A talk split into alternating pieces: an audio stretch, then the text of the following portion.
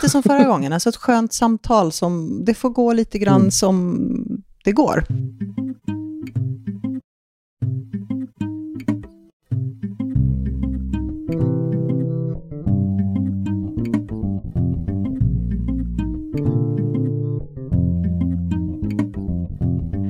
Hej, det här är podcasten Social by Default tillbaka igen och som alltid är det jag, Sara Larsson Bernhardt, som tillsammans med Deeped Niklas Strand driver den här podden. Vill ni kommentera dagens avsnitt eller har idéer för framtida avsnitt, twittra till oss med hashtaggen Social by Default eller prata med oss på vår Facebook-sida. Hej Sara! Hej Niklas! Hur är det? Det är bra. Det är söndag morgon. Jag känner att jag inte riktigt sjungit upp mig än. Sådär. Jag är lite småhes. Ja, ja eh, svinkallt ute har vi. Jättevackert. Så jag gissar att vi båda ska ut och eh, njuta av isarna. Mm. Jag tycker det är lite läskigt med isar, men just nu vet jag att eh, nere på vår sjö eh, så är den åtminstone 14 centimeter tjock, så även jag vågar väl mig ut. Okay. Eftersom typ halva området där ute på isen så kan väl jag också våga mig ut. Men jag jag tycker det är läskigt. Ja, vi har rejält med is eftersom halva Västerås var ute igår på mm. isen. Eh, så den håller uppenbarligen liksom för typ flera tusen människor. Men innan det så ska vi spela in lite podd. Nu, är det, nu har det gått ungefär fyra veckor in i januari. För två veckor sedan så släppte vi ju vår spaning framtidsspaning om vad, hur vi tror att sociala medier 2021 kommer. Och där diskuterade ju du och jag bland annat om såna här virala händelser. Memes, L. Realtidsmarknadsföring. Händelser där företag och privatpersoner hoppar på någonting. Och eh, vi har ju sett det genom åren, så det är ju ingenting nytt. Det vi pratade om då var ju att efter ett år av corona, efter ett år där företag faktiskt har någonstans behövt balansera sin kommunikation, så förutspådde vi att det här kommer påverka företag framöver när det sker sådana här händelser. Att man kanske kommer bli försiktigare med att hoppa på saker för att det kan slå fel. Jag har tanken någonstans att man eh, kommer förvänta sig ändå att företagen inte bara gör en massa signalpolitik och sätter upp en fyrkantig svart ruta. Eller, Nej, utan faktiskt att också walk the talk. Och därmed kommer vi se färre av de här större virala från företagets och, sida. Och 2021 sa då Hold My Beer och den 20 januari under inauguration av president Biden så eh, vet vi ju alla vad som hände.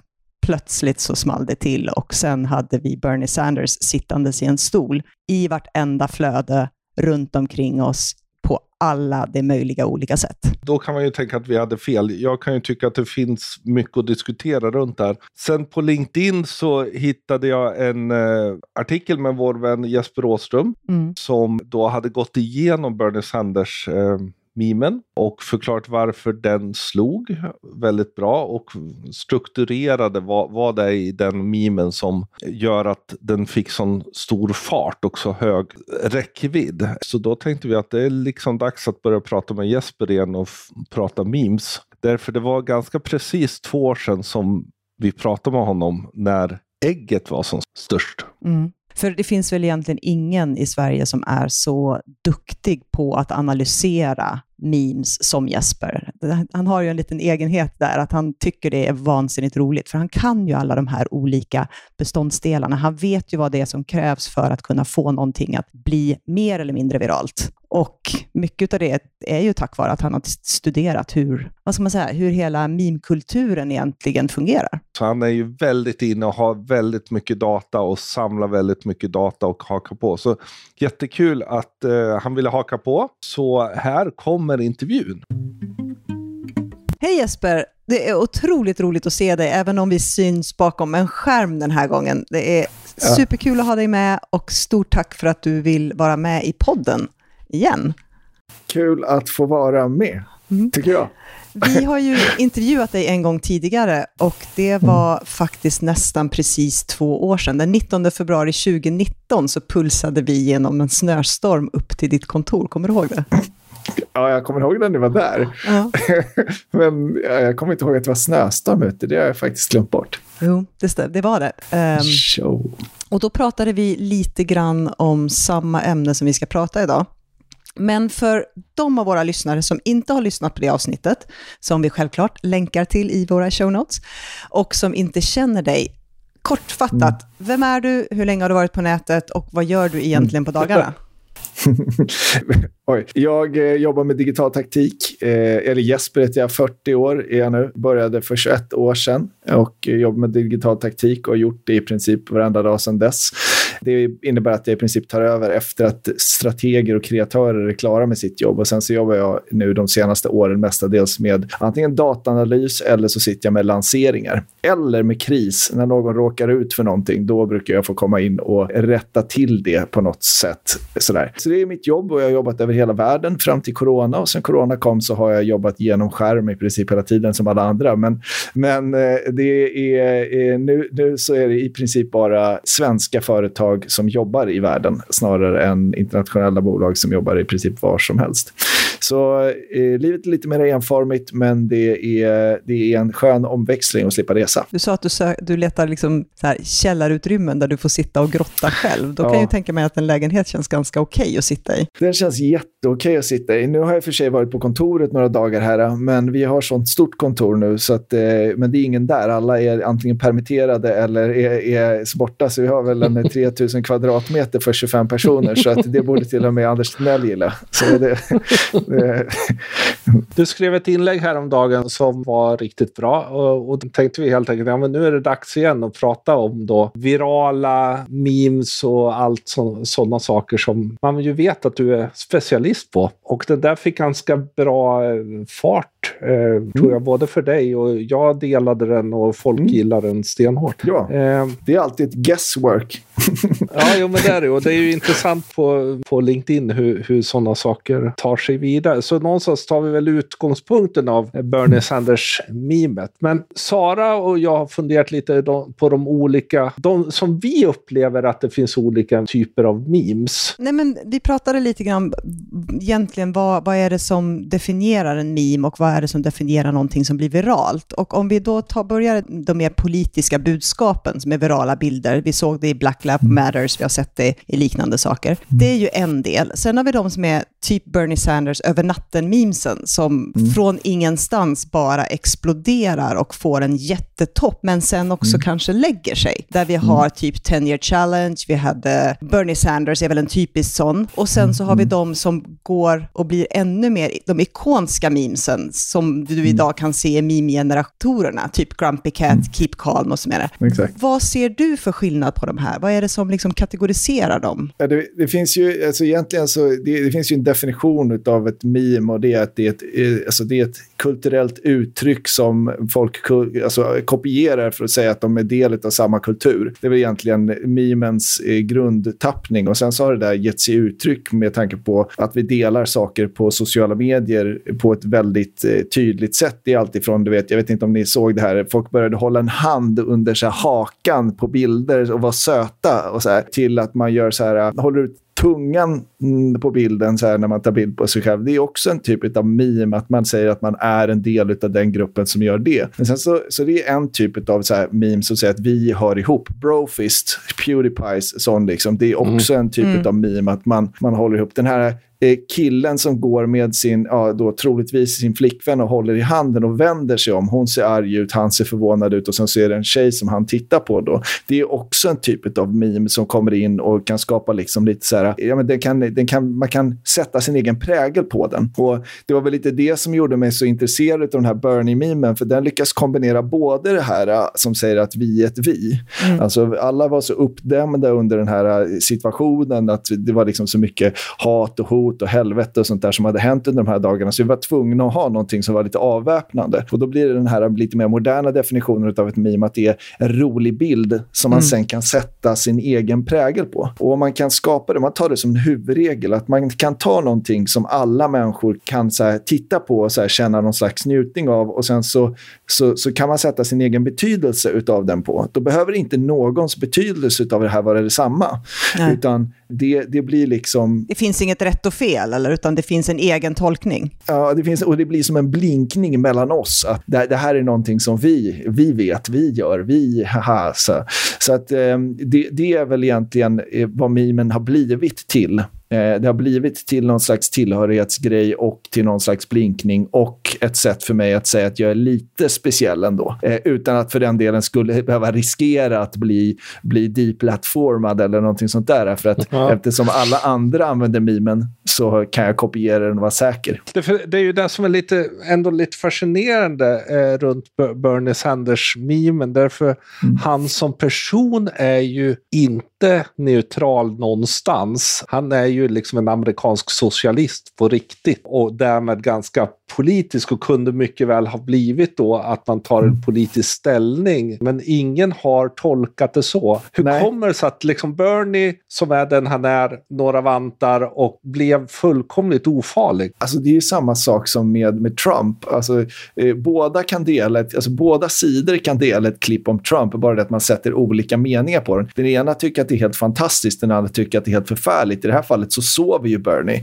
Då kan ju konservativa gå ut och säga “titta, han sover, vad var det vi sa om de lata eh, demokraterna?” eh, han, eh, Den här eh, andra eh, eh, Biden, han satt ju och sov i någon slags tillklippt meme också, så där, som de delade friskt de konservativa, medan, medan demokrater kan gå ut och säga och titta vilka fina vantar, han är minsann en riktig socialist, han har inte några hippa kläder på sig. Titta på Bernie, vilket fult munskydd han har, åh vad han är sympatisk. Och man kan dela samma bild, men man sätter sin egen betydelse till den delningen. Och det är väl någonstans där som liksom huvudlärdomen är någonstans, sen när vi bottnar ner i det, kommer in. Att, att det, det handlar också, samma sak för varumärken och för, för andra som vill jobba med memes, att man måste tillåta det där för att memet ska bli liksom längre i sin livscykel. Det här är ju ganska intressant, för när vi pratar då om att det här liksom att äh, den, den politiska bakgrunden och att Demokraterna mm. kan göra på ett sätt och Republikanerna kan göra ett sätt. Om vi då ja. drar ut den tangenten, kommer vi hela vägen till Sverige? Den delades ju enormt mycket här också. Mm. När mm. släpper den politiska aspekten ja. och går över till att faktiskt bli en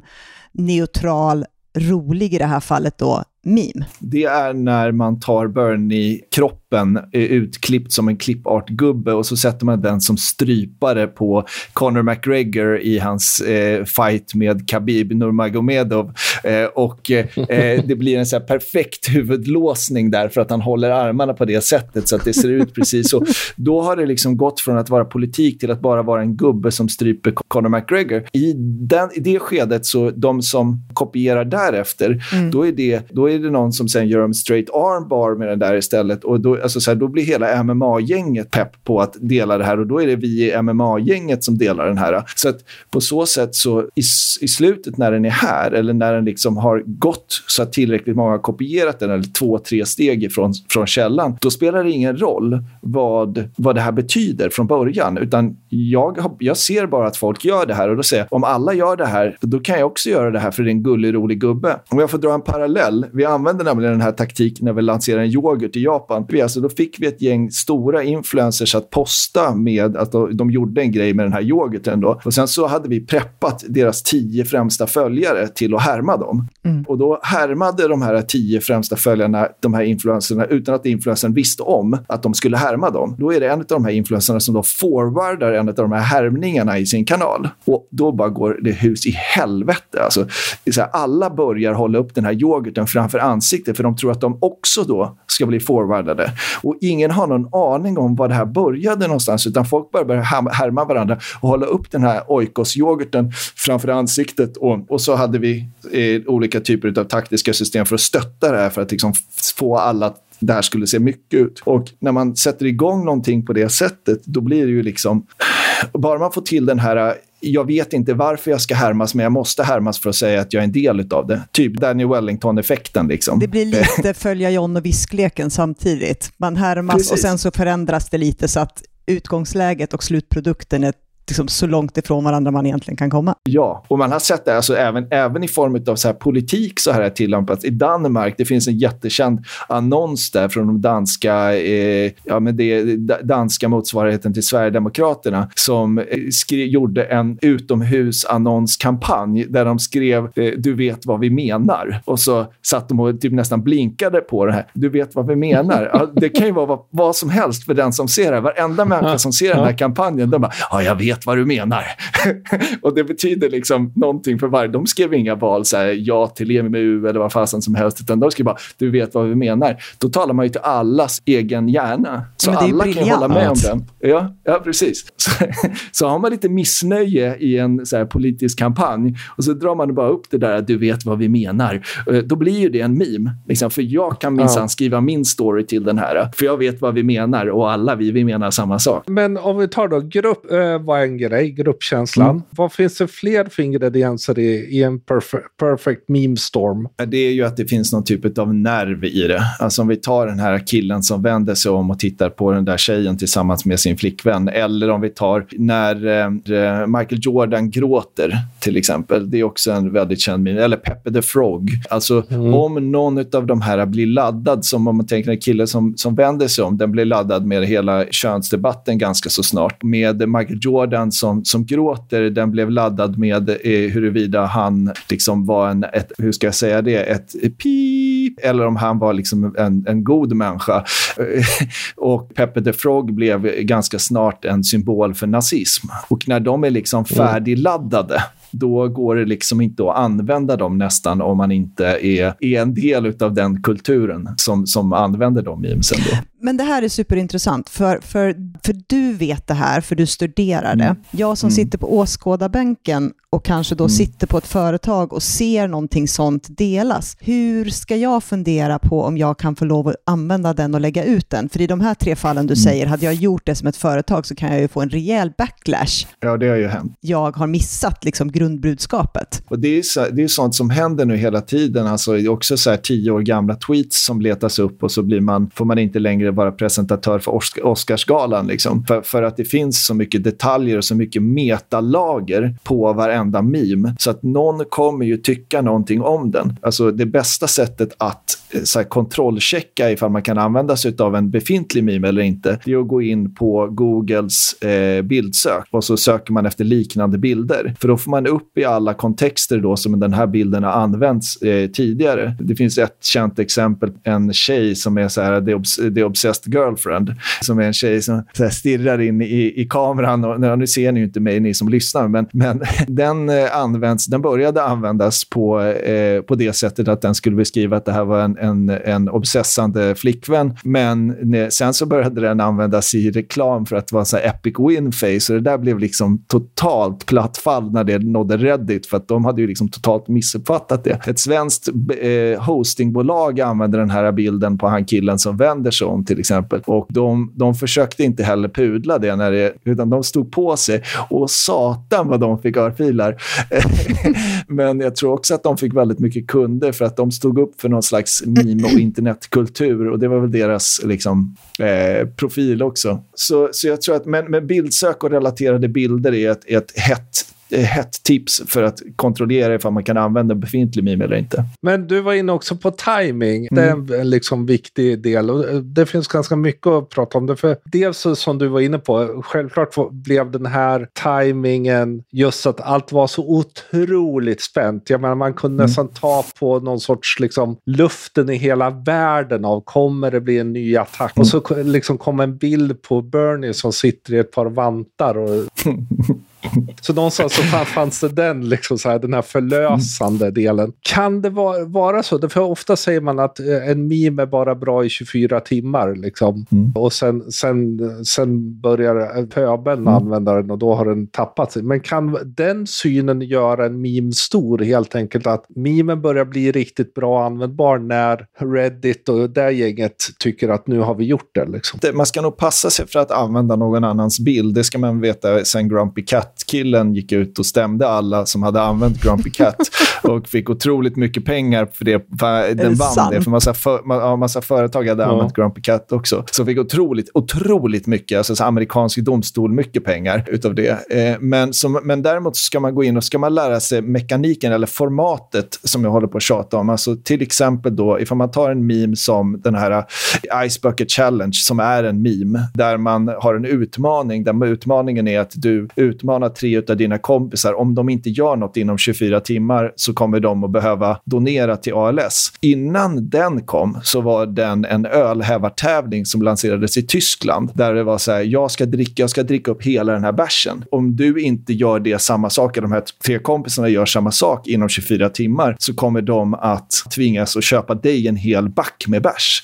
Så det, därifrån tog de mekaniken och så använde de det på sitt eget sätt. Samma sak som det här like for Goku, comment for, mm, alltså versus-budskapet där man lägger upp två stycken bilder på någonting och sen så klickar folk like för om de röstar på den ena och kommenterar om de lyssnar på, eller hejar på den andra. Det är också ett meme-format, men där kan man ju stoppa in vad som helst. Jag har sett på LinkedIn nu så håller folk på med såna här legubben, tummen upp, hjärta insikt, du vet, och så ger de fyra olika alternativ för att få folk att liksom välja och rösta mm. på vilken som är Men mest. Men det där är ju bara game-algoritmen, det där blir man ju bara förbannad över. Ja, det, det, det, det, är ju ändå en meme, för det är ett format. Det började ju som någon typ av, så här, någonting som en grupp med människor använder för att uttrycka att de, ja, jag tror att huvudrådet där är att aldrig egentligen, om man är ett varumärke, att använda den faktiska bilden om man inte har rättigheterna till den då. Men att gå in och titta på vad är det faktiskt folk gör här, som TikTok-danser, som är liksom det starkaste mimet just nu. Liksom, att någon får den här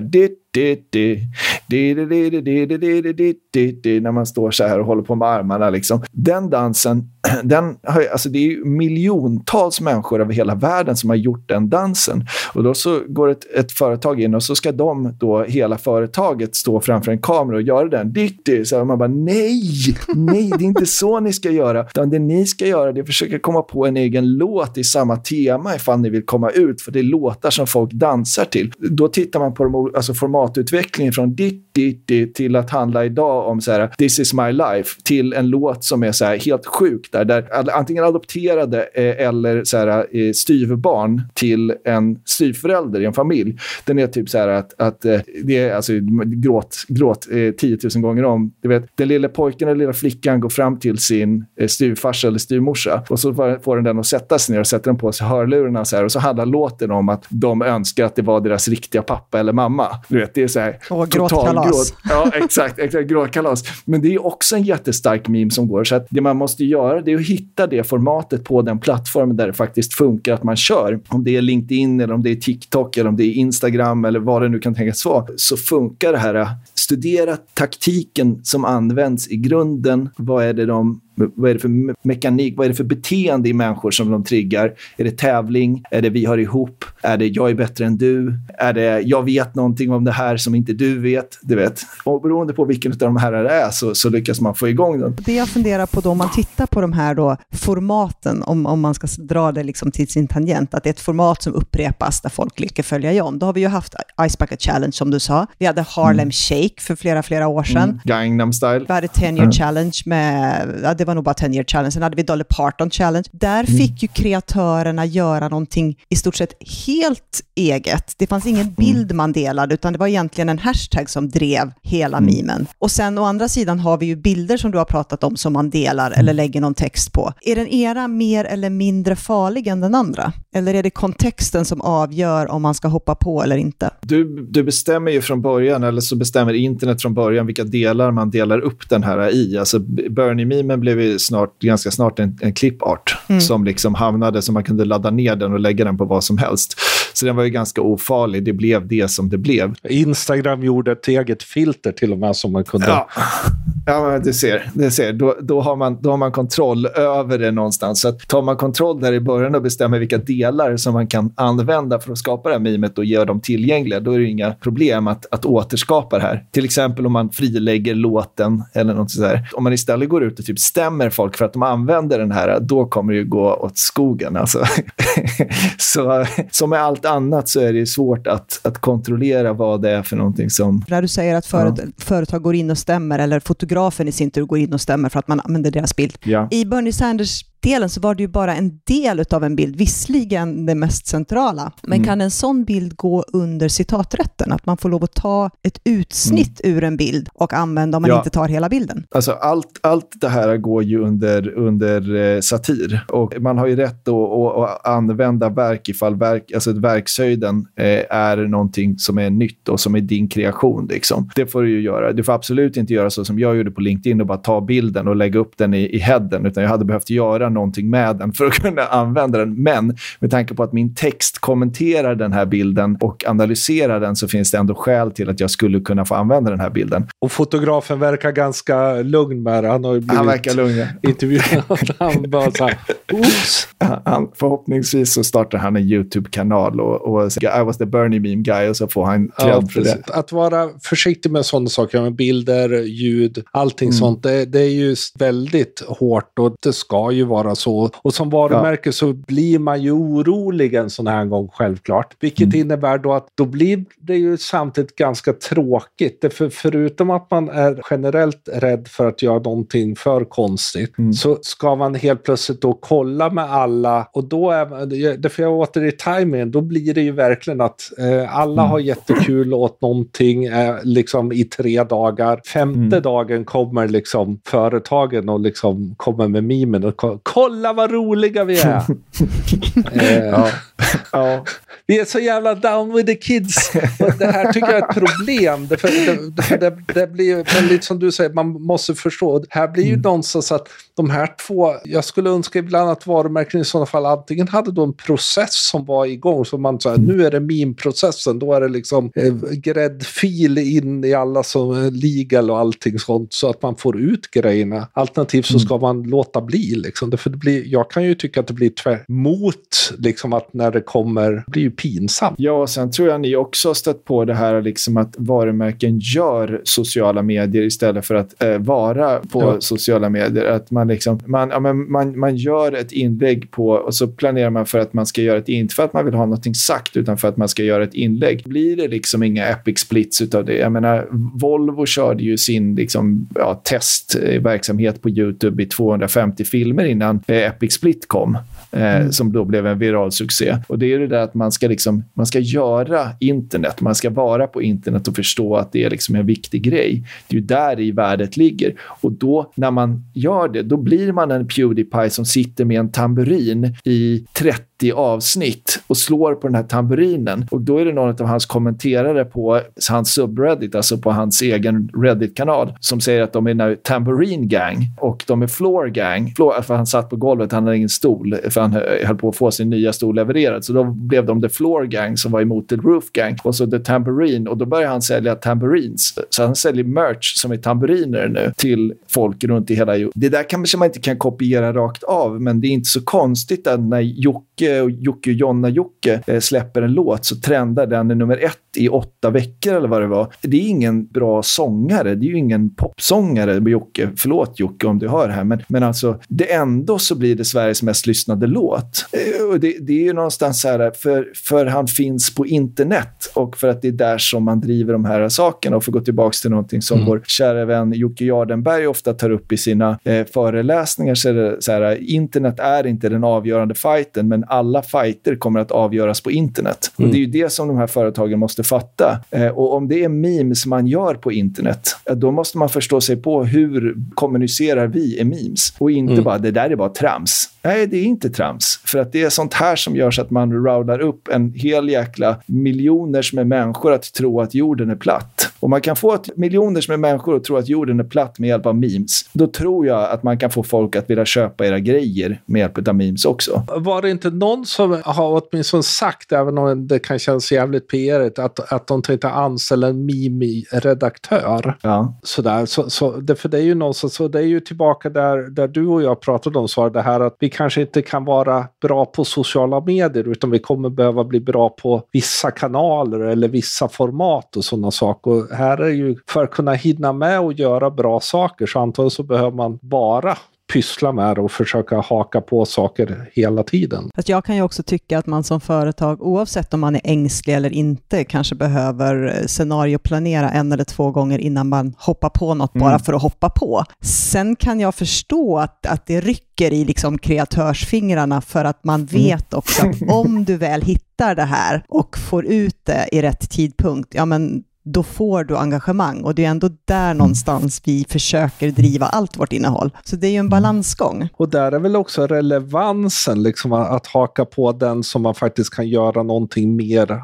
av som kan göra att ens, ens fans eller de som faktiskt gillar den och sådär kan då göra vidare eller göra någonting av och inte bara lajka det. För jag tror många tror att det viktigaste med att haka på en meme är att få många likes. Nej, jo. men alltså, äh, ja, det, är, men alltså det, det, det, är, det är faktiskt en intressant fråga. Jag hade en dragning i den här, en av grupperna jag kör kring, jag hade läst ett forskningspapper om humor som var en sån här metastudie där man har gått igenom hur humor påverkar påverkar uppfattningen av ett varumärke. Och då har den gått igenom liksom ända sedan 70-talet alla studier som har gjorts på humor i reklam. Eh, och den kom fram till att påverkar alltså inställningen till det här företaget blir mer positivt, men att den är seriös blir mindre, alltså blir mindre scorat. Man säger sig vilja köpa mer från bolaget, men ens köpintent, alltså vad man faktiskt gör, ökar inte. Så att det de kom fram till det var det att vi vet inte hur humor påverkar för att det är olika i varenda studie som har gjorts i princip. Mm. Det, var mm. inte, det var inte uteslutande negativt, det var det de sa. Så att, att använda sig av humor är inte en dålig grej. I lagom doser kanske? Ja, precis. Men det konverterar inte. Nej, det konverterar inte, precis. Man är jäkligt eh, skön som varumärke. Man är skön, ja. ja. Och Men, det kanske... Ja, tillbaka till tidsaspekten. Jag menar, nu var det ju mm. ganska... Det, det, var ju ganska länge sedan vi hade någon sån här riktigt stor, egentligen meme som delades på det här sättet. Hur mm. långt emellan behöver det vara för att de ska kunna ta fart på riktigt? Alltså den senaste var ju inte så länge sedan. Det var Spotifys jul-wrap-up, alltså när man fick se sina egna playlists och grejer. Den fick ju Spotifys aktie att dra iväg så in i helskotta. Men det, det var, den drog ju iväg för det, och det är samma regler som är där. Alltså alla får någonting som kan säga titta vad jag lyssnar på och vi är likadana med våra playlists och då hör vi ihop. Eller tycker jag var pinsamt för att man har Bamse. Ja, men precis. Man måste ju ha kidsen lyssnande på samma telefon. Ja, men, eh, det, så här, babblarnas... ja. Men du har ju inga barn. Lyssna på Babblarna ändå, bara för att vara med i gruppen. jag måste hänga med generation, eh, vad blir de, Ö. den var den senaste. Den bygger på exakt samma principer som, som Bernie-grejen. Men jag tror att så här, tiden mellan det, det är ju det här med att hitta rätt timing i, för att få dem så här stora, så, så måste det finnas någon så här, eh, klyka att hänga upp det på där, som hänger ihop med den här institutionella världen som vi ändå har levt i mest, flest år, eller vi som är äldre än 20. Vi har levt, liksom, eller lika många år nu då, i den här världen med eller utan internet. Påsk och jul och hanukka och ramadan alla de här liksom högtiderna, där har man ett naturligt skäl eller en så reason to speak. Och om man har det, eller om man är Red Bull typ och gör en till fantastisk grej, så att någon hoppar från rymden, eller något så här, då kommer alla att, så här, ah, eller Tesla, du vet, de har byggt upp det här i sina varumärken. Att mm. När de gör någonting så gör de någonting fett. Och då kan man, vi har meme-möjlighet där, som när ja. Elon Musk slänger stenen på rutan och den går sönder. Liksom. Ja. The unbreakable ja, glass. det blir ju memes på en gång. Ja. Men, men det så, som är intressant, mm. för du var inne på det förut, många memes, det pratade vi om också förra gången, mm. är ju genomtänkta. Mm. Bernies känns ju inte, utan den, den bara blev. Det är nog en av de, en sån där som blev väldigt av tidsandan. Hur ofta sker det egentligen? Det, det är svårt att säga. Alltså, det är inte så ofta, alltså, det är väldigt sällan det blir så stort och det bara händer. Alltså som jag kan komma att tänka på nu. The Dress, men det var väldigt många år sedan. Ja, ja exakt. Ja, exakt. Den var stor. Men jag menar att inom, så här, inom så här, subkulturen och citationstecken, alltså TikTok-danserna blir stora varannan vecka det är ju frågan om de är helt organiska med tanke på att vår, vår, vårt svenska bolag som är bäst i världen på att lansera låtar genom TikTok, Creed Media, som eh, typ lanserar all musik genom TikTok och är sjukt grymma mm. på det. Och få det att se organiskt ut. Liksom. Utifrån, är det utan det, om det inte är organiskt, då vet det fasen alltså hur ofta, hur länge det måste vara mellan varje. Det är svårt att säga. Ja, för vi satt och försökte komma ihåg vilka det var som hade varit sådär overnight typiska mm. som man egentligen inte kunde förutspå. Vi kom på The Dress, vi kom på iPhone mm. Bend, som också blev ganska stor. Var det ju 10 year challenge, den var ju, den var ju mm. också stor, och eh, Dolly mm. Parton challenge. Men fler mm. än dem kommer vi inte ihåg. Och där är det ju ändå någon slags tvåårscykel emellan. Ja. De bryter liksom inte ur de här bubblorna där de lever i vanliga fall. Alltså bara man, bara man går in och kollar på varje subreddit som är lite konstig så är det ju memes där precis hela tiden. Eller på, på 4chan. Liksom. Mm. Men de slår inte igenom liksom, bubblorna och nej, blir nej. Så här mass... Sen har vi ju för sig Don't Tell Ashton och Shara Coke, men de är ju nästan på dinosaurietiden i början av internet. era, som också var stora. Oh ja, den var fet. Vilken är din favorit då? Mm. Alltså, den senaste memen som jag delade, den... Eh, jag, alltså, jag delade en meme idag, men det är ju Ricky Gervais. Det var ett citat. Det är ju en typ av memes, som jag, eller det är en typ av memes då, som är så här, alla vi som tycker att det är så lite coolt och eh, tycker det här att freedom of speech är en bra sak under ansvar. Eh, så, så jag var väl lite cheesy när jag delade det, men jag hade den känslan i kroppen och behövde få utlopp för det på något sätt. Men annars så, alltså Black Lives Matter var ju en meme. Den var ju driven av den rörelsen som var då. Eh, då delade ju jag den svarta fyrkanten också och hashtaggade den helt fel så den hamnade i fel flöde så jag fick skäll och såna här saker. Men det har ju till. Liksom. Du känner ju någonting. Ah, ja, men ja, precis. Ja, ja, men det är också när man går in på det lite mer så här allvarliga. När eh, eh 2015 så delade jag jättemycket kring flyktingströmmarna i samband med eh, eh den här bilden på pojken på stranden stranden, den mm. vart ju också en meme. Eh, även fast den har väldigt mycket mer seriös prägel mm. på sig. Nej, jag vet inte. Det, det, det, det, måste till. Alltså, jag spenderar så mycket tid. Så fort jag ser något sånt där så försöker jag gräva ner den till, till botten. Jag vet, vi pratade om ägget sist mm. också. Det gjorde vi. Ja försökte tracka vem det var som stod bakom det, för det känns så jäkla gjort. Men, äh. Vilken är din favorit, Sara? Alltså det, det, det är svårt att säga. Jag hoppas hoppar ju inte på så mycket sånt egentligen. Om, om Whamageddon räknas som en meme så tycker jag ju den är vansinnigt rolig. Den kommer ju varje år. Annars så, jag vet inte. Din då Niklas? Jag gillar ju de man gör, alltså där det blir väldigt mycket, man gör de, de egna sakerna. Jag är, alltså Bernie gillade jag jättemycket, just att den, den gick att göra så jävla, både så dålig, så rolig och, och mm. lite som du var inne, alltså den var så bred så, jag mm. en, en en av mina gamla prästkompisar gjorde en, en där han satt under träd och liksom var re, reflekterade tillbaka till Jona. Liksom. Man måste vara ganska hardcore teolog för att förstå den. Liksom, sådär. Så liksom, jag gillar just att den kunde bli så bred och folk kunde liksom vara kreativa. Och det tyckte jag ALS Ice Bucket Challenge också handlade om väldigt mycket. Att folk mm. gjorde på massa konstiga sätt och man liksom, antingen hällde man en flaska över någon eller i princip hällde en liksom halv lastbil med liksom vatten över och, och liksom folk slog. Alltså det blev så mycket underhållning och samtidigt var det någonting som man kunde göra själv. Alltså de gillar jag allra bäst. Jag tror att jag kommer in i ett sånt jobb-mode, det är kanske är fel att säga, men jag försöker hitta så många annorlunda bilder som möjligt. Framförallt, jag menar, jag vet inte hur många bilder jag själv delade med Bernie Sanders, det måste jag ändå säga. Försökte också gräva fram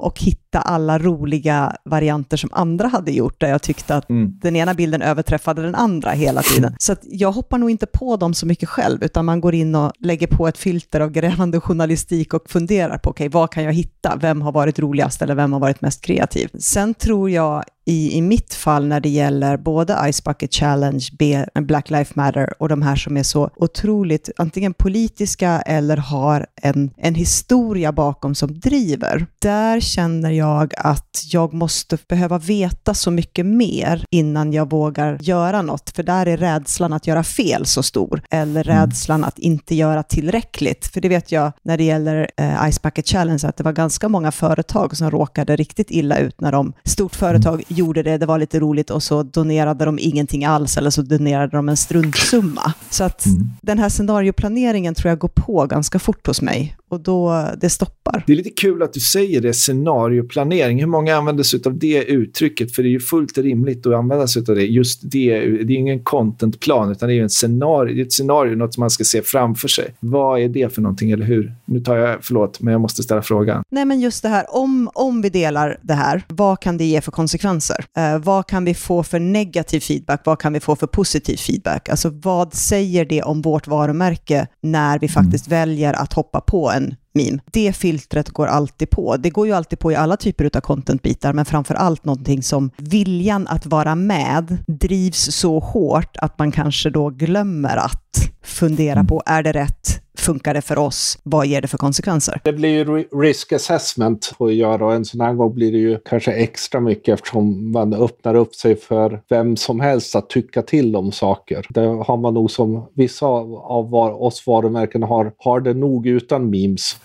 jag, tror, jag tror många, och framförallt många ledningar, eh, liksom säger nej men vi, inte det också. Liksom. men det är väl det som är nackdelen att vara över medelålders och hålla på med sociala medier, för då hoppar man inte på det lika snabbt.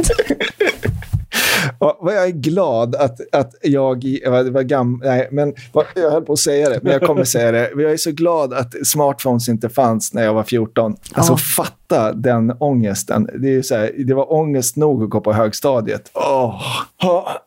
Och allt man ska ha koll på. Då var det bara så här att jag hade begagnade kläder på mig. Liksom. Det var så. Där levde man. Men fatta och sen att ha det inpräntat på internet och leva med det resten av sitt liv. Alltså, uh. Fast då säger vi som Jocke Jardenberg också sagt, ju mer brus du gör, desto svårare är det att hitta det där som man helst ville glömma. But it will get a lot of likes and a lot of comments, so it will be on top all the time. oh, man.